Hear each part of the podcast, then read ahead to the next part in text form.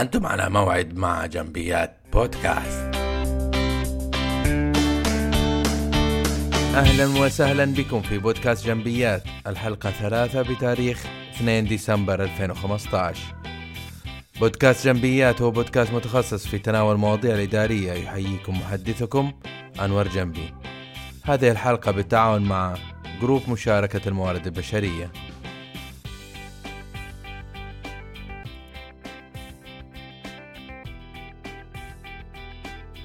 إحدى نشاطات group مشاركة الموارد البشرية هو ساعة حوار. ساعة حوار هو نشاط يقوم به ال group بشكل دوري مع أحد المتخصصين تحت موضوع معين يتم اختياره. وقد استضفنا في 28 أكتوبر 2015 الأستاذ عابد عبد الله عقاد ماجستير إدارة الأعمال مدير التوطين بغرفة تجارية بجدة وكان موضوع هذا الأسبوع هو التوطين. لكن قبل أن نخوض في ساعة حوار مع الضيف الكريم هذا الأسبوع وهو الأستاذ عابد آه، سوف نقرأ مقالة قصيرة آه، أخترناها من آه، الإمارات اليوم. بعنوان الفهم الصحيح للتوطين للكاتب خالد العور. التحديات التي تواجه التوطين في المؤسسات العامة والخاصة في دولة الإمارات من الموضوعات الشائكة والمعقدة التي لم تحظى حتى الآن بآليات قابلة للتنفيذ.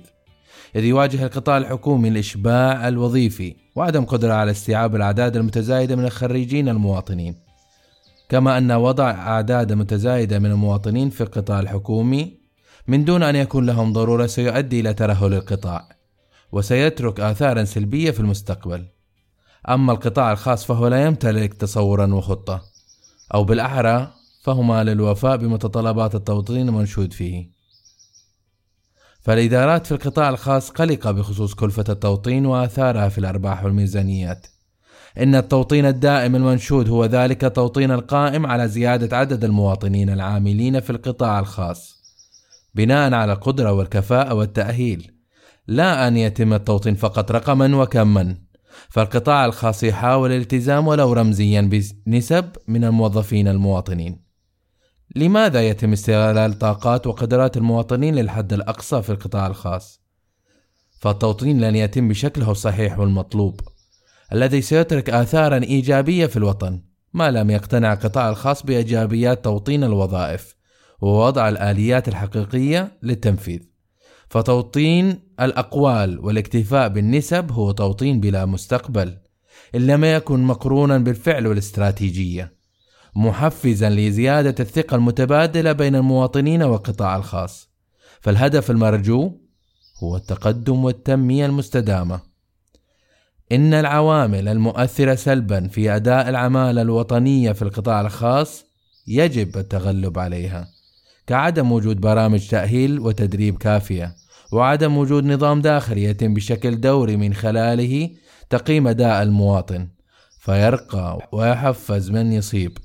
ويحاسب من يخطئ فيحصل كل ذي جهد على ما يستحقه من زيادة في هذا الراتب والحوافز. لا أن يتساوى الجميع في الثواب والعقاب كما هو حاصل حاليا. فشعور المواطن بالاستقرار والتقدير الوظيفي سيكون العامل المحفز والرئيس في نجاح فكرة التوطين.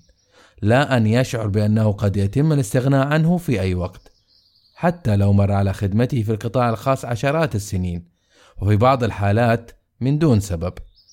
إن الأزمة المالية وتحديات البطالة المرتفعة والزيادة الديمغرافية للسكان وزيادة أعداد خريجي الجامعات هي حقائق يجب على القطاع الخاص أخذها بعين الاعتبار.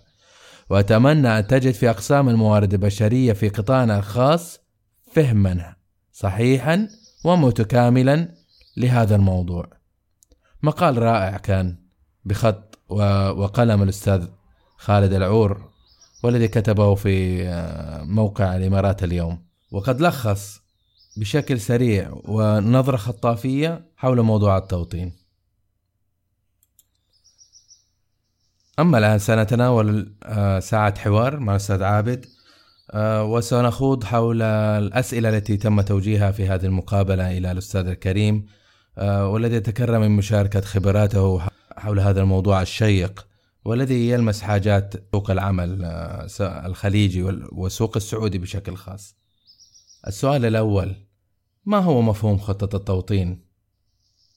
خطة التوطين هي مجموعة من الإجراءات تتم عدة في عدة مراحل هدفها الحصول على موارد بشرية حسب الاحتياج الحقيقي للمنشأة مع تحسين نطاق المنشأة للوصول للنطاق الأخضر المرتفع أو البلاتيني أساسا حسب أنظمة وزارة العمل الحالية لا يمكن لأي منشأة أن تستمر وهي في نطاق منخفض. فهي في المقام الأول تساعد على استمرار المنشأة وأيضا تحقق المنشأة توظيف العنصر البشري في المواقع الصحيح في الموقع الصحيح وبالتالي إنتاجية أعلى حصة سوقية أعلى ثم توسع في النشاط. سؤال هل تساهم في الحد من البطالة؟ بالطبع لأن نتاجها توظيف سعوديين. سؤال ممكن توضح لنا كيف تساهم؟ توطين الوظائف يكون باستحداث فرص وظيفية للمنشأة تحقق عائد للمنشأة وللموظف. لأن في نهاية تنفيذها سوف يتم توظيف سعوديين في مهن حقيقية يحتاجها سوق العمل. سؤال ما هي الأدوات التي تساعد في عمل الخطة؟ بداية الخطة تكون بتصنيف المهن. مهن يجب سعودتها. مهن تحتاج لتدريب لسعودتها. مهن لا يمكن سعودتها مع ذكر سبب عدم سعودتها سواء كان الراتب متدني أو عدم وجود التخصص يجب أن يكون هناك نبراس لدى المنشأة بذلك حسب نوعية المهن. سؤال ما هي مراحل تنفيذ الخطة؟ مراحل خطة التوطين هي خمس المرحلة الأولى تحديد الوضع الحالي للمنشأة عن طريق التأمينات. ووزارة العمل ويحدد النسبة الحالية وعدد السعوديين الوافدين. المرحلة الثانية تحديد النسبة المطلوبة من المنشأة عن طريق نطاقات وزارة العمل. المرحلة الثالثة تحديد النسبة المستهدفة وغالبا تكون الأخضر المرتفع أو النطاق البلاتيني. وهنا يجب الانتباه إلى مراعاة التوسع في النشاط وسيتم تحديد العدد المطلوب في التوظيف. المرحلة الرابعة تحديد المهن بناء على تصنيف المهن السابق في مرحلة التخطيط. المرحلة الخامسة تنفيذ خطة التوطين وفق جدول زمني. سؤال كيف أتأكد من فاعلية الخطة وتحقيق الهدف المطلوب؟ أثناء التنفيذ تتم المتابعة ومراقبة التحسن في نسبة السعودة وفي انعكاسها على جودة الأداء أيضا. طبعا عند تنفيذ كل مرحلة يتم قياس أثر المرحلة وأثر البرنامج. قد يكون برنامج مثل التنظيم الوطني للتدريب المشترك يفيد في التوطين والإنتاجية أفضل من برنامج آخر حسب نوع المهنة وهكذا. سؤال من بسام الحربي منسق موارد بشرية في شركة إيلاف للفنادق. هل تستطيع الدولة تحديد سلم وظيفي وتفرضه على الشركات ويكون لكل مؤهل نطاق معين؟ وما مدى تأثيره على الشركات في حال تطبيقه؟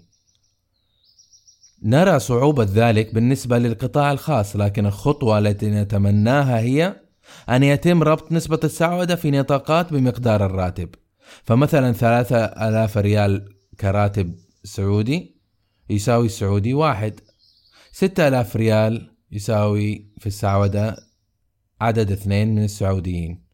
كما أنه صعب أن تفرض الدولة حد أدنى من الأجور بسبب منظمات العمل الدولية لأن العمالة الوافدة سوف يرتفع أجرها. سؤال من الأستاذ عبيد العنزي الوظيفة المدير التنفيذي شركة النوافل للمقاولات المحدودة. هل هناك خطة لسد احتياجات السوق والتوطين مع الجامعات والمعاهد لسد الاحتياج ودراسة السوق من خلال عشرة أو عشرين سنة قادمة؟ أعتقد أن الجامعات والابتعاث أصبح الآن يواكب احتياجات السوق لكن هل هناك عش... خطة لعشر سنوات؟ فحقيقة لا أعلم هل خطة التوطين الوظائف القيادية أت... أتت أكلها؟ ولو كانت من الأقل للأعلى كانت تفيد وتسرع بالتوطين؟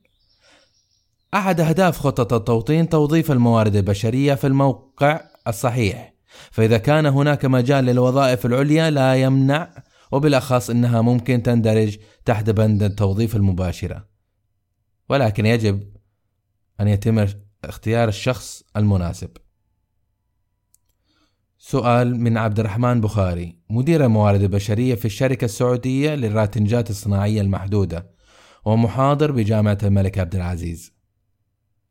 هل خطة التوطين هي بالكمية أم بجودة الكفاءات وتمكين السعوديين للوصول إلى المناصب والإدارات العليا؟ في حال التركيز على الكم لن يتم حدوث استبقاء وبالتالي فشل الخطة.